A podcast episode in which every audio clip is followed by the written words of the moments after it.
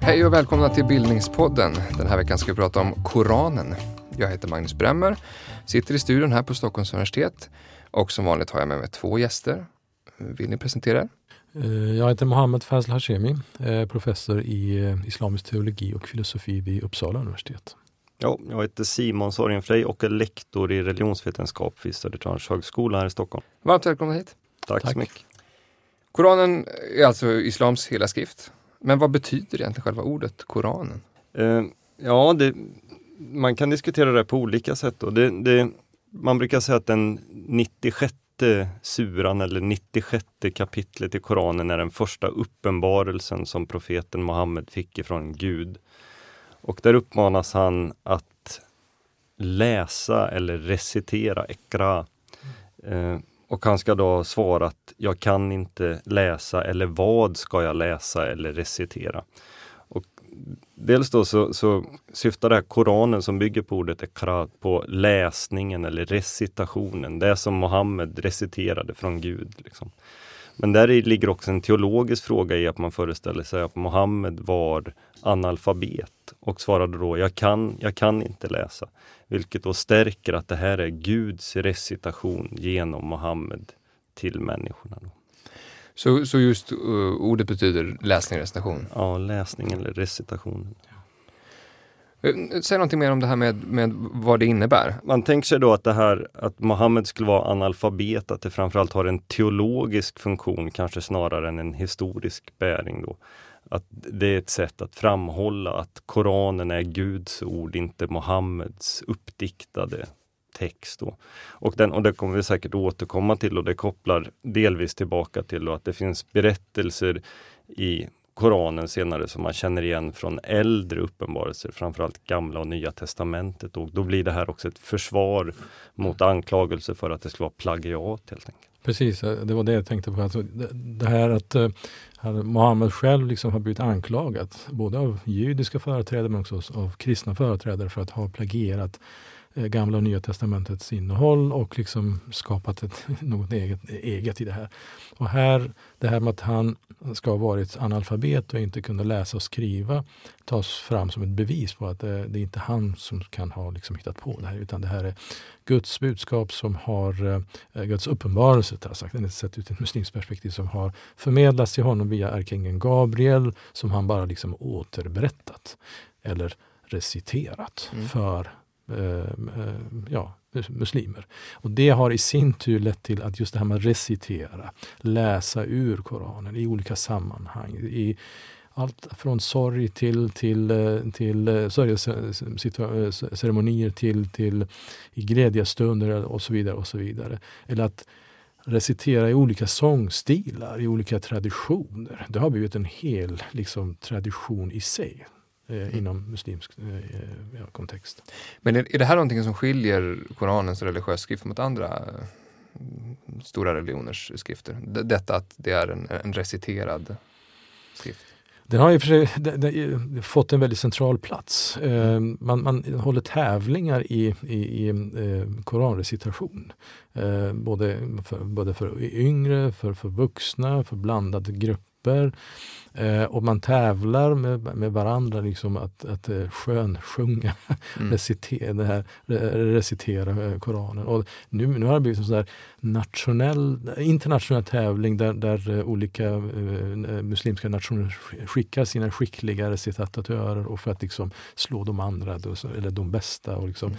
Det har blivit någon, någon, form av tävlingsmoment i det, Det finns ju också. så här som dock, dokusåpor nästan. Jag vet i Turkiet när jag bodde där en period så visade de ungefär som Idol eller sådär där Ja. olika tävlade och till Ja. slut vann någon, var bäst på att recitera Ja. Koranen. Ja. Men, men det är ju ganska vanligt får man väl säga historiskt att texterna har reciterats, de indiska vedaskrifterna till exempel. Och sådär. Det här att vi skriver ner text och bevarar dem på det sättet, det är ju en relativt modern och förut väldigt kostsam metod. Ja. Jag tänker att det är skillnad att det är ett, än att det är ett vittnesmål, att, det här är en, att man är ett, ett medium mer för Guds ord omedelbart. eller? Dels det, det, men jag tror att det finns en annan aspekt här också. Det är skriftspråket var inte så väl etablerad. Eh, skriften hade inte varit så, så, etablerad. Så det här med att recitera och eh, memorera och, och liksom, eh, kunna återge texterna utan till. Det, det, blev en sån där konst som alla skulle behärska, vilket också var en tradition på den tidens arabiska halvö. Eh, och det är också när, när, när, man börjar liksom se nedteckna Koranen. Det, det är först när, när det börjar hända saker där folk liksom blandar ihop och liksom, eller de som hade lärt sig vissa stycken stupar eller dör, dör eller så, det, händer, det händer saker med dem. och sådär. Det är då man börjar liksom gå över från det här med orala traditionen till den här mer skriftliga traditionen. Mm. Hur ser den där tillkomsthistorien ut? Alltså hur gammal är Koranen? Eh.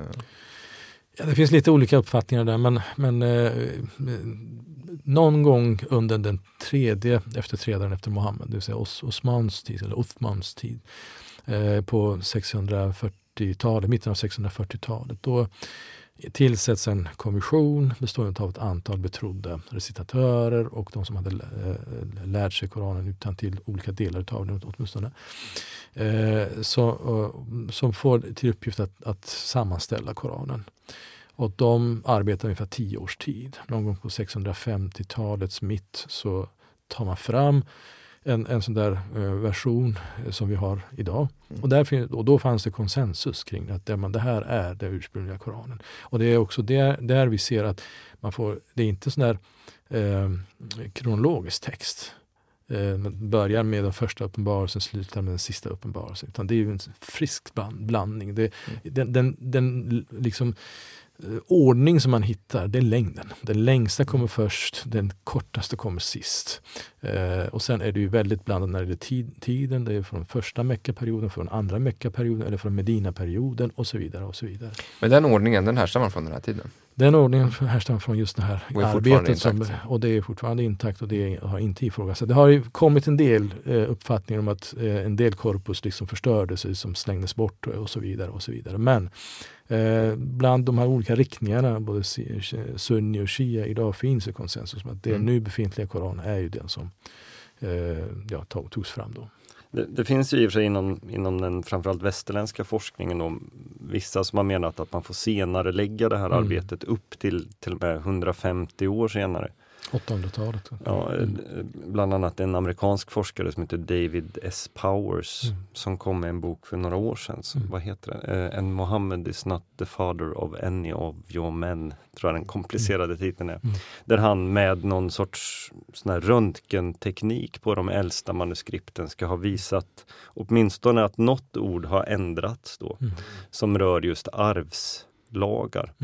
Fast han gör en teologisk läsning utav det här och menar att det är ett sätt att befästa Muhammed som den sista profeten. Mm. Men det visar att man åtminstone, det, det har, kan ha skett då mindre ändringar i den här textsamlingen senare. Mm.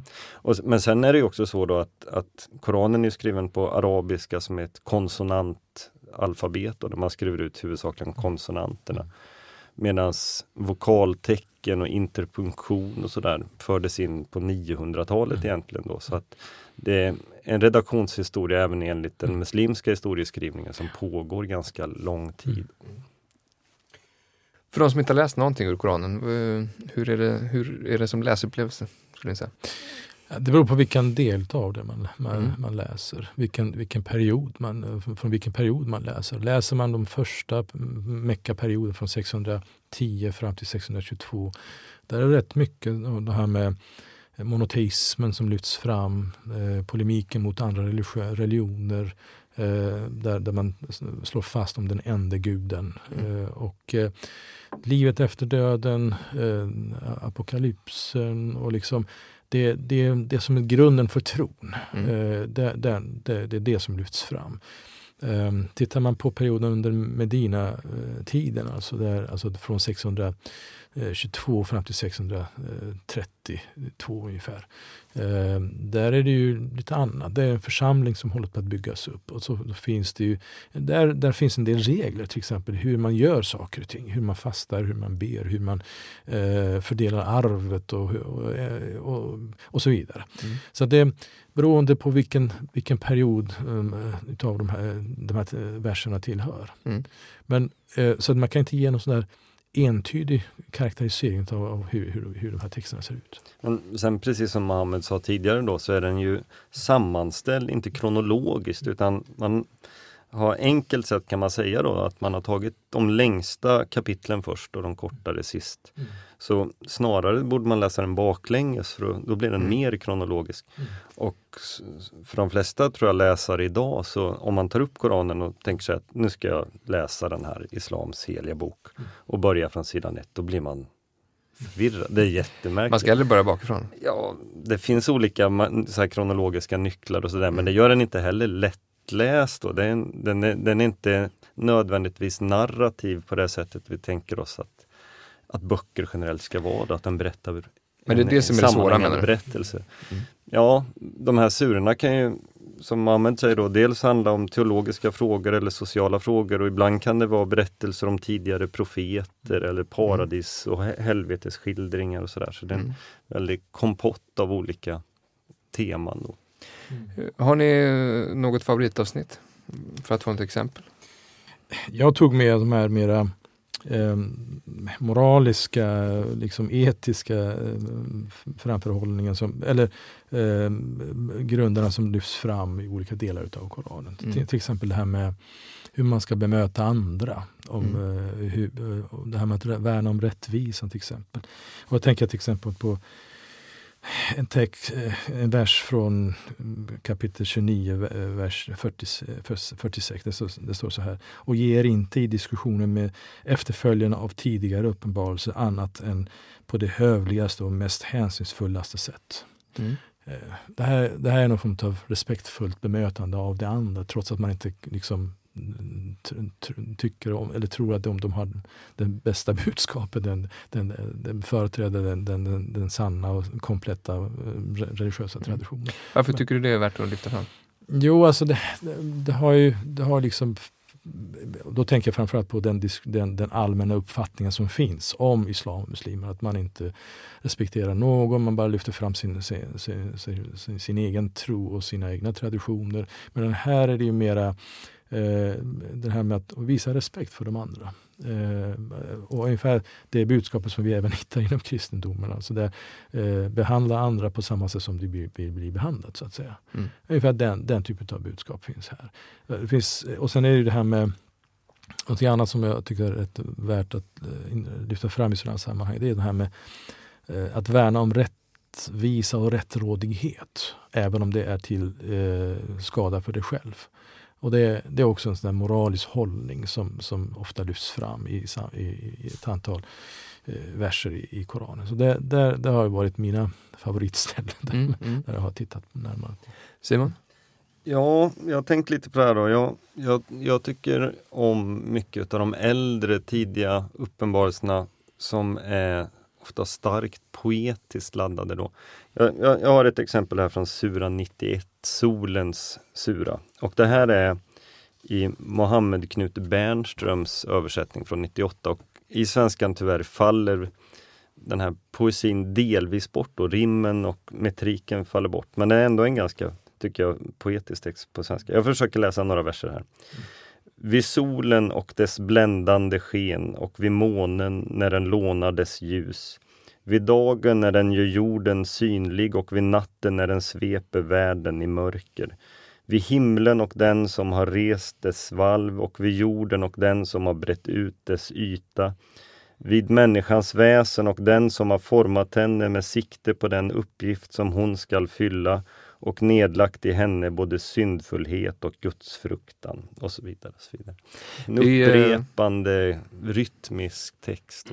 Det, det, finns många poetiska bilder i, i Koranen som också återkommer. Dels det talas ibland om det yttersta trädet till exempel som är som en sorts sista ö i någon sorts arkipelag innan det gudom, gudomliga mysteriet tar vid och sådär. Det är en st starka metaforer och bilder.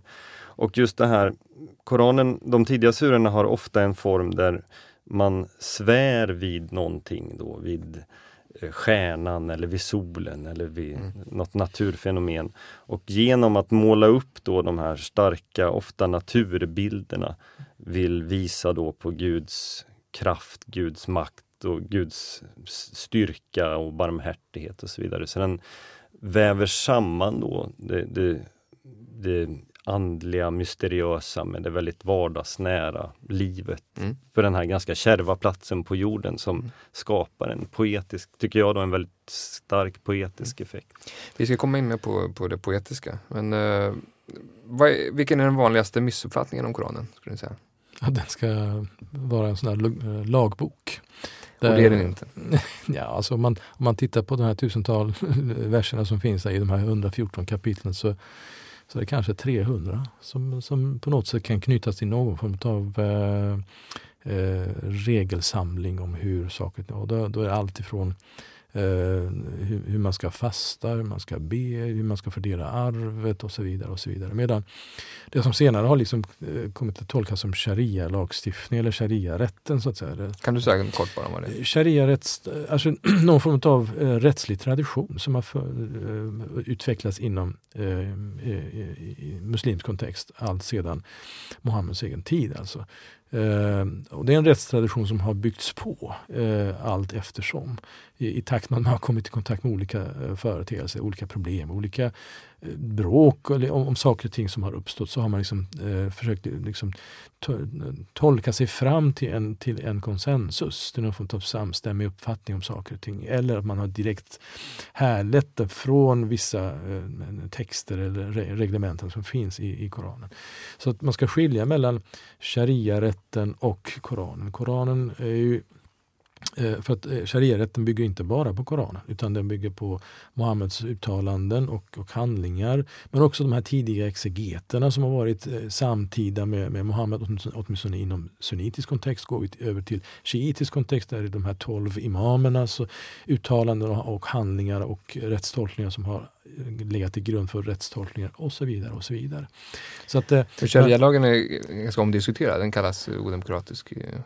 Ja, sett mätt med dagens mått mm. så, så, kan den uppfattas. Men, men i, i, sin tid så kunde det vara, åtminstone delar av den, så kunde det vara rätt revolutionerande. Som till mm. exempel det här med eh, att kvinnan saknade arvsrätt på den arabiska halvön eh, Eh, på 600-talet, fram till 610-talet. Eh, med islam och det som kom, som kom att ligga till grund, ligga till grund för shariarätten, så fick kvinnan arvsrätt. Men kvinnans arvsrätt är mindre jämfört med mannen och då har man liksom försökt eh, utifrån ett muslimskt eh, eh modernt eh, eller feministiskt perspektiv försöka ta reda, liksom för, förstå eller förklara varför kvinnans arvsrätt har blivit mindre och då går man tillbaka till Eh, den patriarkala traditionen där islam har uppstått i, där mannen har liksom framstått som familjeförsörjare och kvinnan eh, inte har den, den uppgiften, då, då ska mannen eh, kompenseras för den, för den uppgiften, för, eller för den plikten så att säga. Då har, då har man minskat på kvinnans arvsrätt. Eh, idag ser en, en, eh, framstående muslimska feminister som Amina Wadud eh, eller eh, Rifat Hassan och så vidare. och så vidare. Att, att vi, vi måste börja nytolka just de här eh, reglerna utifrån ett postpatriarkalt perspektiv. Eller eh, som eh, Amina Wadud säger, vi måste genom, genomdriva något om gender jihad, genusjihad. Vad menar hon då? Jo, alltså att eh, nytolka islams urkunder utifrån ett genusperspektiv. Eh, och det beskriver hon som någon form av ansträngning, någon form av jihad. För just de här lagarna är ingenting som har täckning i Koranen egentligen? Jo, det här med arvsrätten, den har tolkning i, täckning i Koranen. Men precis som eh, många, många, många av de här muslimska feministerna säger. Man kan inte, de har inte uppstått i en eh, historisk eh, vakuum, i en sån bubbla för sig. Utan den har, den har varit väldigt starkt knuten till den kontext där den har uppstått. Nu när sociala strukturer har förändrats, när kvinnor utbildar sig och skaffa, eh, blir familjeförsörjare eller delar bördan med, med, med männen, då finns ingen anledning att man krampaktigt eh, liksom, mm. håller sig fast vid de här Eh, ursprungliga eh, tolkningarna eller så som då eh, skrivna då. Utan man kan gå mm. vidare, behålla rätten till arvsrätt men fördela arvet lika mellan kvinnor och män. Det här är ett exempel på att boken är en sak och sen är tolkningen en annan fråga. Ja. Vilka är de viktigaste tolkningsstriderna i islam har varit generellt? Alltså man, man, det är jättesvårt att svara enkelt på det här men om vi tittar på vad som sker i, i det som ibland slarvigt kallas den muslimska världen eller bland muslimer globalt sett idag så finns det en strid om traditionen i hög grad. Då. Koranen uppenbarades och Mohammed var den främste uttolkaren. När Mohammed dog var det hans efterträdare, kaliferna och sen har det bildats då teologiska och juridiska auktoriteter som genom historien har tolkat vad som är sharia, vad som är rätt teologi, vad som är rätt sätt att förstå Koranen och så vidare. Och sen parallellt med de här, men framförallt då kanske i mötet med moderniteten under sena 1800-talet har det vuxit fram rörelser som menar att den här traditionen är det som har gjort att muslimska samhällen har stagnerat och vi måste göra oss av med traditionen, gå tillbaka till Koranen och Mohammeds exempel och tolka de här på nytt. Det här då som ofta kallas salafism, då man läser ofta om salafism i tidningen nu, mm. det, det, här är ett exempel på det. Den metoden då att stryka traditionen, gå tillbaka till ursprunget och tolka om, det har genererat både de här feministerna som Mohammed pratar om och grupper som Islamiska staten, Al-Qaida och sådär. Mm. Och det här får väl Två väldigt olika typer av tolkningar. Helt olika. De kommer fram till helt De använder samma text men kommer fram till diametralt olika saker då. Och det här är väl en av de absolut starkaste striderna idag. Hur ska vi förhålla oss till traditionen, tolkningstraditionen? Mm. Alltså, eh, en annan strid som också har varit, mm, alltså man har, har, har haft redan sedan begynnelsen, det är det här med eh, hur man går tillväga när man tolkar. Eh, får man använda sig av förnuftet? Alltså människ, män, människans förnuft. Hur, vilken roll ska förnuftet spela? Eh, och där ser vi lite olika eh, förhållningssätt. Eh, vi har ju de här som vill ge förnuften väldigt stort eh, utrymme och spelrum. De som vill begränsa till en, till, inom ramen för, för uh, traditionen som du var inne på eller, eller uh, religionens ramar så att säga. Och så de som helt vill utesluta förnuftet och dess mm. plats. hur, hur, kan det se ut? Då? Ja, alltså ta den här frågan om Ehm, ehm, gott och ont existerar eh, i sig själva. Man, och om de kan eh, uppfattas av oss eh, människor med hjälp av vårt förnuft. Eller om saker och ting är värdeneutrala och får sin karaktär först efter att någon uttolkare av islam kan, kan förklara vad som är rätt och vad som är fel och vad som är gott och vad som är ont. Det är en central strid idag. Alltså till exempel det här med att eh, terrorsekter som IS kan gå så långt som att, som att de bryter mot de allra flesta etiska och moraliska eh, eh regler och principer där de säger att det som gynnar oss är okej. Okay. Där, och där, medan motståndet säger, motståndarna säger att ja, men ni bryter mot de mest grundläggande sakerna. Eh, så, så, saker som är vi, eh, eh vi kan uppfatta med, vårt, med hjälp av vårt förnuft som, som onda. Mm. Som ett exempel, det här med likskändning till exempel. Det är ju totalt förbjudet. Eh, både eh, i, i, inom den sunnitiska och den shiitiska rättstolkningen. Medan det har blivit som en, som, eh, som en, som en väg att liksom skrämma folk till, till lydnad eh, hos eh, IS. Eh, eh, för att liksom skapa den här fruktan och rädslan som de vill gärna sprida runt omkring sig. Mm. Där, där har vi ett exempel på den, den, går tillbaka till en väldigt teologisk diskussion. Eh, alltså det här med om gott och ont, eller filosofiskt rättare sagt, om gott och ont har en egen existens eller om den definieras av eh, i, eh, i stunden så att säga. Mm. Kan ni ge ett exempel på, på någon passage? Eh, man får en föreställning av tolkningsbandet. Liksom. Hur olika kan en och samma passage tolkas? Någonting som jag har fastnat för, den, hur, hur, den, hur den används i olika, olika sammanhang, det är den här, eh, en, en koranvers som börjar som, ungefär som så här. Eh, Gud skapade människan och eh, lärde henne talekonsten. Mm. Um, och det här har liksom uppfattats, ja det här är ju, Gud kan göra precis vad, vad Gud vill ungefär. Mm. Medan en nutida eh, stora ayatollah i Iran tolkar det här som en, ett försvar för yttrandefriheten. Och det var ju en rätt originell tolkning skulle jag säga. Men, men han säger så här, skulle Gud inte ha velat att människan ska ha rätt till yttrandefrihet så skulle Gud inte ha försett människan med talekonsten. Mm. Men det, det, alltså det, det, är en text som egentligen ingen, ingen kan utläsa just den, den, den, den, den tolkningen utav, utav det. Men, men, men det är inte det enda exemplet på en sån nej, det är inte fri tolkning, eller friare tolkning? Fri, alltså, vi tar, kan ta ett annat exempel. Det finns en, en, en koranvers som säger att eh, på domedagen så kommer människor ställas till svars en och en eh, för, för sina handlingar. Och just detta har av en eh, rättstol, eh, eh rättslärd tolkats som att ja, Eh, vi har rätt till individuell eh, livsstil. Vi kan bestämma vilken livsstil vi vill ha. Ingen ska döma oss för det och eh, vi, vi, kommer att dömas eh, på domens dag. Alltså en sorts individualism? Så. Precis, en, ett utrymme för in, eh, individualism eh, i dagens samhälle. Men alltså, min, jag tror att man ska kunna förstå både den här som eh, Eh, vill använda sig av den här versen för, till stöd för, för yttrandefriheten och den här för individualism. De har redan liksom bestämt sig. Eh, de har genomgått något paradigmskifte och bestämt sig för att yttrandefrihet är något som är bra. Individualism är något som är bra. Och så försöker de förankra det här i eh, Koranen. Mm. Och det är inte, alltså man talar vilka personer det här handlar om, det är inte Kleti och Pleti som gör det här. Det är ett högt rankade religiösa ledare som, som har kommit med, den här typen av äh, tolkningar. Vill du säga något? Där? Ja, jag, jag, kan knyta an tillbaka till, till det här med feministiska tolkningar som jag pratat om. Det finns Sura, alltså eh, kapitel 4, vers 34 Sura 434 brukar lyftas fram som ett av de mest problematiska ställena i Koranen för att göra moderna läsningar. Eh, och då brukar det här tolkas som att det, det står... Vad handlar det om? Det, det handlar om, om, relationen mellan en man och hans hustru. Då. Och då har det här vanligtvis tolkats som att männen är sina hustrus förmyndare på grund utav de företräden som Gud har gett dem framför kvinnorna. Och i den mån en kvinna då är eh, uppstudsig, kanske man kan säga, mm.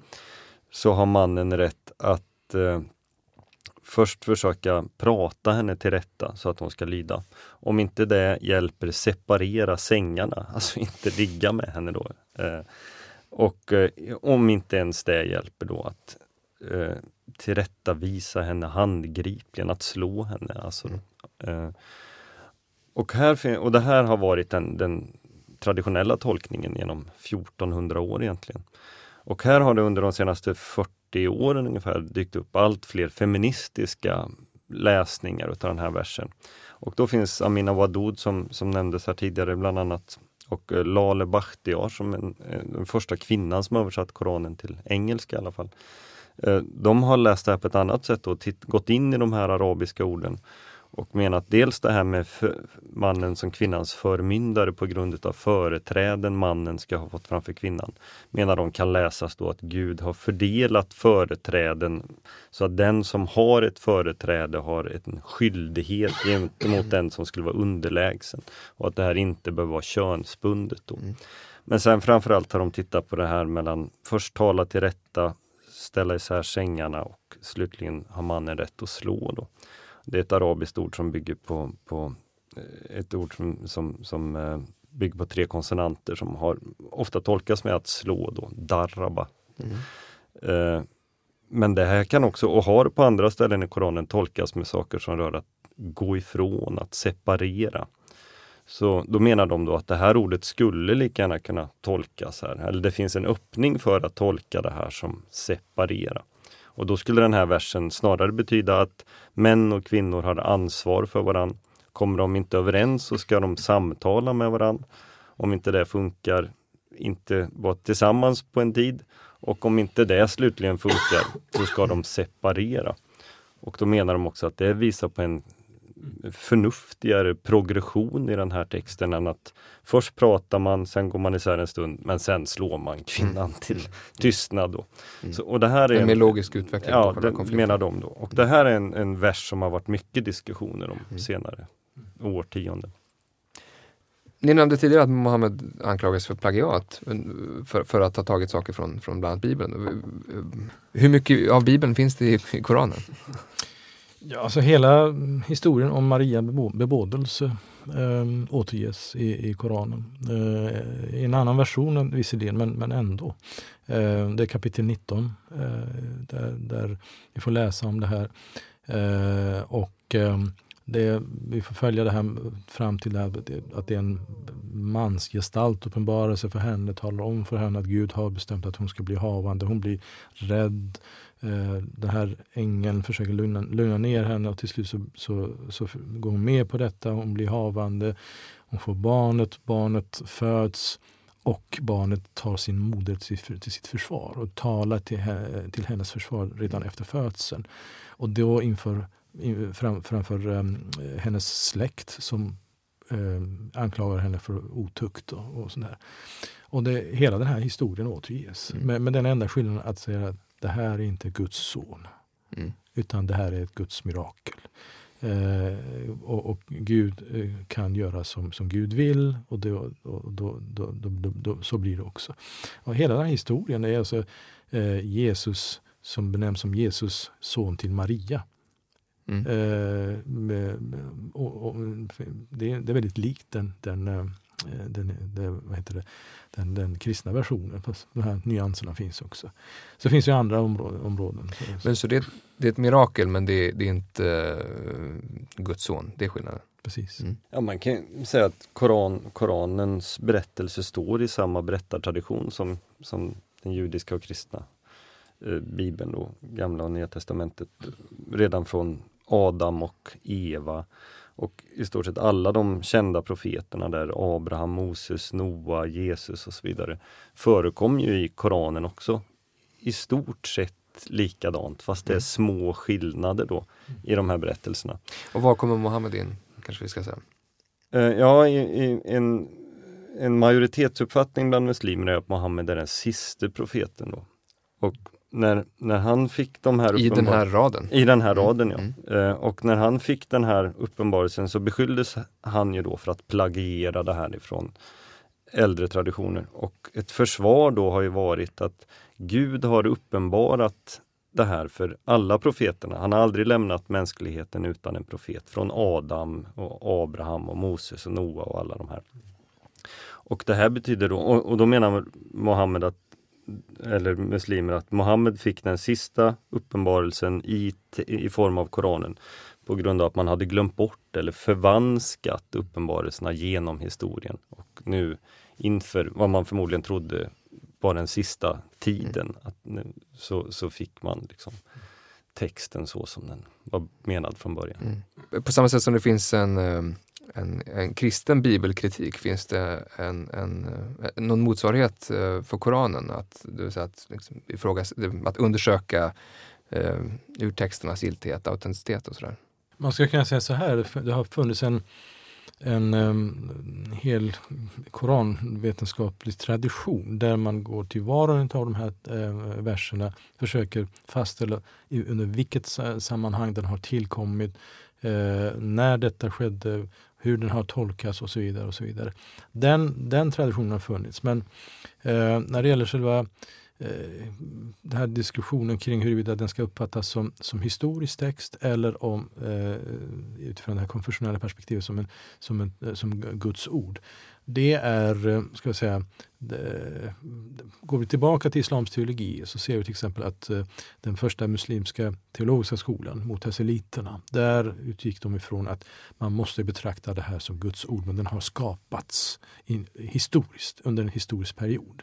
Under de här 23 åren som Muhammed tog emot de här eh, liksom, eh, verserna. Eh, och det, det öppnade i sig för att man skulle kunna Eh, kontextualiserar dem och, för, och eh, förstår dem utifrån sitt historiska sammanhang. Eh, idag har vi så kallade nymotesseliter som eh, använder sig av, av historiskt förhållningssätt till de här texterna. Eh, och, och, vilket för dem öppnar möjligheter för att eh, inte fastna i de här traditionella tolkningarna. Mm. Eh, att, man kan, att man kan överge vissa saker eller lägga, lägga dem på is. Som till exempel, bara, bara, bara nämna ett exempel, polygami till exempel. Den, den går tillbaka till Koranen eh, rätten att, för en man att ha flera hustrur, fyra hustrur till exempel. Då säger de att det här versen tillkom under specifika förhållanden där antalet män var eh, färre jämfört med kvinnor på grund av krig och stridigheter eller andra orsaker. Och för att liksom skapa någon form av social trygghet för de här kvinnorna så tilläts detta. Men idag ska man inte Eh, liksom blint följa detta. Eh, så den diskussionen har funnits. Och så finns ju de här som säger att nej, eh, står ordet för liksom svart på vitt i Koranen så får man inte ändra en, en enda stavelse utav det. Utan det en, man måste kanske börja eh, för, försöka förstå, förstå dem på ett bättre sätt. Mm. Ungefär så ska jag beskriva. Men finns det det här förhållningssättet att eh, Koranen är en, en historiskt vittnesmål men, men inte en helig skrift? Eller så? Ja, alltså, om, om, det allra senaste diskussionen som jag följde bara för några veckor sedan, där, där det var en diskussion mellan två eh, muslimska intellektuella. Där var det ju det här med att eh, man, man, har aldrig gått så, så alltså inom muslimsk kontext, har aldrig gått så långt som att ifrågasätta dess helighet. Det är Guds ord. Men som till exempel den här egyptiske eh, tänkaren Nasr Hamid Abu Zaid sa till exempel. Han sa så här, det är Guds ord, men Guds ord har passerat ett antal filter. Bland annat Muhammed och det arabiska språket. Både Muhammed, som enligt Koranen var en eh, människa, eh, har, varit påverkad av sin sociala historiska kontext, men också det arabiska språket i sig, som var bärare av sociala kulturella koder. Guds ord har, har klätts i mänsklig skepnad, i, i, i mänsklig språkdräkt och därför har de också påverkats. Så man ifrågasätter aldrig eh, dess gudomliga härkomst. Men menar att när den har liksom passerat de här så kallade filtren eller rastren så har den liksom tagit någon form av mänsklig påverkan vilket öppnar för att man ska kunna gå in och tolka dem. Men det där är en skillnad mellan den kristna synen på Jesus och eh, den muslimska på Mohammed. Att Mohammed var, var ett, en vanlig människa men ett, ett medium snarare än en förlängning av Gud. Stämmer det? Ja. Det, det, finns ju en tendens då att jämföra Jesus och Mohammed, Bibeln och Koranen. Och det är teologiskt sett felaktigt och de har inte samma funktioner. Snarare kan man säga då att Jesus och Koranen har en liknande funktion som varandes Guds ord uppenbarat på jorden. Och det gör att om man och här finns det också intressanta likheter om att Jesus föds av en jungfru, Koranen reciteras av en analfabet och den har liksom passerat eh, oförändrad, obesudlad på något sätt. Då. Men det här gör då det att motståndet mot att ifrågasätta Koranens gudomliga ursprung är större än Bibelns. Det blir mer likt som att säga då att Jesus inte mm. är Guds son för kristna. Man slår undan benen på väldigt fundamentala teologiska trossatser. Om man Ja, man, att, att säga då att Koranen inte är Guds ord, det blir mm. ungefär som att ta bort Jesus mm. roll mm. som Guds son i kristendom. Det är, ett, mm. stö, det, det är en, ett större ingrepp än att ifrågasätta Bibeln, helt enkelt. Simon, du har forskat om sufism. Kan ja. du förklara vad det är? Ja, eh, jag har forskat om det väldigt länge men jag kan absolut inte förklara vad det är. Eh, men ofta brukar man säga att sufism är islams mystik eller en mer andligt orienterad tradition inom islam då, där man genom olika förhållningssätt till korantext till exempel, men även riter försöker upprätta personliga förhållningssätt till, till det gudomliga mysteriet. Men hur, hur ser relationen mellan sufismen och Koranen då mer specifikt? Något, man, man, brukar skilja något förenklat mellan två sätt att tolka och förhålla sig till Korantexten. Det ena är då det som kallas tafsir som är en sorts ganska ordagrann utläggning av vad betyder den här texten, hur ska vi förstå den här texten? Också där Mohammed pratar om att man har försökt ta reda på precis under vilka situationer uppenbarades texten för Mohammed och var, vilken situation rådde i samhället då. Och, sådär. och försöka hålla sig ganska bokstavligt till texten. Och sen finns det en tradition som heter Tahwil som en mer allegorisk, metaforisk läsning utav Koranen. Och den har blivit stark dels inom shiitisk islam och mycket inom sufiska traditioner då, där man eh, kan ta sig ot vara otroligt kreativ i sin läsning. Då. Eh, en, en, jag har sysslat mycket med en persiskspråkig sufisk poet som heter Mevlana Rumi, Molana Rumi, eller Mevlana som man säger i Turkiet. Ofta förkortad Rumi. Rumi bara, och som har blivit mycket känd även här i västvärlden. Och hans, ett av hans stora verk, då, Masnavi och Manavi, som är 26 000 dubbelverser lång. Dikt. Kan du översätta den titeln? Eh, de an, andliga verser kanske man kan mm. säga. Mm. Eh, Där utgår han ofta från kanske ett lite, en halv rad i Koranen och sen skriver han tusen Mm. verser dikt om det där han tolkar det här väldigt fritt. Och sådär. Så där utgår man ofta från vissa bilder i Koranen men sen eh, förhåller sig väldigt kreativt till dem.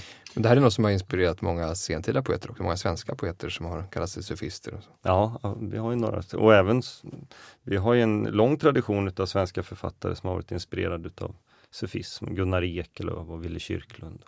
Nu Mohammed Omar och Bo Gustafsson i Uppsala och sådär. Mm. Jag tänkte bara just när det är sufismen så, om man skulle liksom kunna vilja, placera den någonstans. Om man tänker på att muslimska filosofer försökte använda sig av de grekiska bildningstraditionen och eh, de gamla grekiska tänkarna för att förstå saker och ting inom, inom islam. Och så å andra sidan så har vi de här, de här teologerna som med hjälp av sina teologiska eh, argumentering försökte liksom förstå saker och ting. Så Sufierna stä- ställer sig någonstans mitt emellan dessa. Mm. De, det är inte teologi och inte filosofi utan de talar om insikt. Man, liksom, man, ska, man, man, man ska bli, eh, liksom förstå, låta sig omfattas av det här gudomliga ljuset och det gör man genom att liksom rena sitt inre. Och då blir man mottaglig för det här gudomliga ljuset. Och, jag- och en annan sak är just det här med hur de använder sig av eh, dikter, eh, alltså poesin. För att den, gav dem liksom fritt utrymme att inte låsa sig fast i de här fyrkantiga filosofiska och teologiska argumentationerna utan de kunde sväva hur, hur mycket som helst. Eh, och, och det är därför vi har inom, inte minst inom persisk poesi, en, en, en, en, en enorm skatt utav, utav eh, liksom, eh, idéer och föreställningar som de, de liksom uttrycker genom här, i det här diktspråket. Så att säga. Vilket i och för sig finns även tillgängligt på svenska. Tänk på Mm. att eh, Erik Hermelin översatte 10 000 sidor persisk sufi-poesi till svenska redan under mellankrigstiden och klädde den i svensk språkdräkt. Så den, den är inte bara tillgänglig på andra språk, den, den finns även på svenska. Mm. Om vi tar ett sånt begrepp som jihad, ofta Mm. översatt som heligt krig och, och på senare tid starkt förknippat med islamistisk terrorism, eh, Mm. som, eh, med grupper som IS och eh, Al-Qaida. Vad, har, vad säger Koranen om jihad? Jihad betyder ansträngning eh, och sen tar, skiljer man mellan den stora jihad och lilla jihad. Och det stora jihad det är att eh, försöka bemästra sina begär och liksom, eh, vara en moralisk människa och liksom leva efter de här etiska reglerna som, som finns i, i, i religionen. så att säga. Och sen finns det den så kallade lilla jihad och det är det här eh, kriget. Alltså att delta i försvarskrig eller i angreppskrig under vissa omständigheter. så att säga. När religionen är hotad på något sätt? Ja, alltså eh, enligt viss tolkning så är inget eh, som eh, angreppskrig ti- tillåtet efter Muhammed. Men, men, men det finns ju andra som gör andra tolkningar. Men, men rätten att försvara sig till exempel Mm. mot, sina, mot angripare, mot sina fiender till exempel. Det är, de, det är som beskrivs som, som jihad. Men sen har det här liksom används eller eh, missbrukas eller, av, av grupper som, som till exempel IS som, eh, och liknande. Men Och de hänvisar till Koranen? de hänvisar till Koranen eh, även, även när det gäller sådana, sådana saker, eller till den islamska traditionen i vissa fall. Även när, när sådana här saker som uppenbarligen bryter mot, mot eh, det som står i Koranen. Mm. Till exempel det här med att eh, bokens folk är skyddade och ska eh, liksom, eh, åtnjuta någon form av eh, eh, liksom, eh, skydd i, i, i, i samhället. Men vi ser att de fördriver kristna, assyrier, kaldéer, eh, yazidier och så vidare och så vidare eh, från IS-kontrollerade områden. Och det är uppenbar strid mot vad som Mm. står i, i, i texten. Så att, det, att de hänvisar, de säger att det, det står i Koranen, det behöver inte nödvändigtvis vara, vara en, en, en, det rätta påståendet. Vill du säga något där? Eh, nej, inte Nej. nödvändigtvis. Eh, nej, men man kan väl nämna kanske att, att som har kommit upp här att jihad används ju av många olika grupper och många muslimer tycker nog att det är sorgligt att de här militanta grupperna nästan äger begreppet nu. Vi, Mohammed nämnde förut um, eh, Amina Waduds bok eh, eh, Gender jihad? Gender Jihad, ja, ja. Det finns också en rörelse som heter Queer Jihad som jobbar med hbtq-teologi, kamp för hbtq-rättigheter. Och inom sufism som vi har pratat om pratar man om Jihad al-Nafs, alltså kampen mot egot, de egoistiska själviska drifterna. Någon pratade om Jihad mot Öresundsbron för 20 år sedan. En sorts miljörörelse, så här, grön jihad och sådär. Så det är ett ord Men som vad, kan användas i många sammanhang. Vad var den eh, muslimska kopplingen till Öresundsbron? Eller det behöver inte finnas? Jag minns inte vad det här var. Det finns en rörelse som heter Green Dean. Det här med eh, att människorna satt som förvaltare mm. över jorden. Men det behöver inte vara ett försvar uh, mot krafter som hotar islam utifrån. Det kan också vara uh, en kamp, en intern kamp. Så att alltså, om vi tar just det här miljörörelsen, mm. muslimska miljöaktivister, de använder sig just av uh, de vill liksom eh, Eh, som man säger, reclaim det, det, här, det här begreppet. Alltså. Eh, och ta tillbaka det här från de här militanta grupperna. De säger att de för någon, en en jihad mot miljöförstörelse. Och det eh, hänvisar de till exempel till att eh, människan är någon form av Guds ställföreträdare på jorden ska, och Gud har skapat allt mellan himmel och jord till människans eh, tjänst och det här är något som ska mänskligheten i, i, används i all evighet. Och då får, inte, då får man inte förstöra miljön som, som man gör idag. så att säga. Och att liksom bekämpa eh, miljöförstöringen, eller eh, stoppa miljöförstöringen, den framställs som, som en grön jihad. Så att, eh, ordet kan användas i många olika sammanhang. Allt ifrån att leva ett eh, sunt leverne, eh, liksom ett eh, etiskt moraliskt liv, eh, till att eh, nytolka eh, urkunderna utifrån ett feministiskt perspektiv eller hbtq-perspektiv. det framställs också som, som jihad. Så att, men, men den, den, har liksom på något sätt kidnappats av de här extremistiska eh, våldsbejakande grupperna och liksom, då nästan uteslutande i de sammanhangen man hör det här ordet. Och det, det är ju en ganska sen företeelse mm. att det har fått den här, det är framförallt en...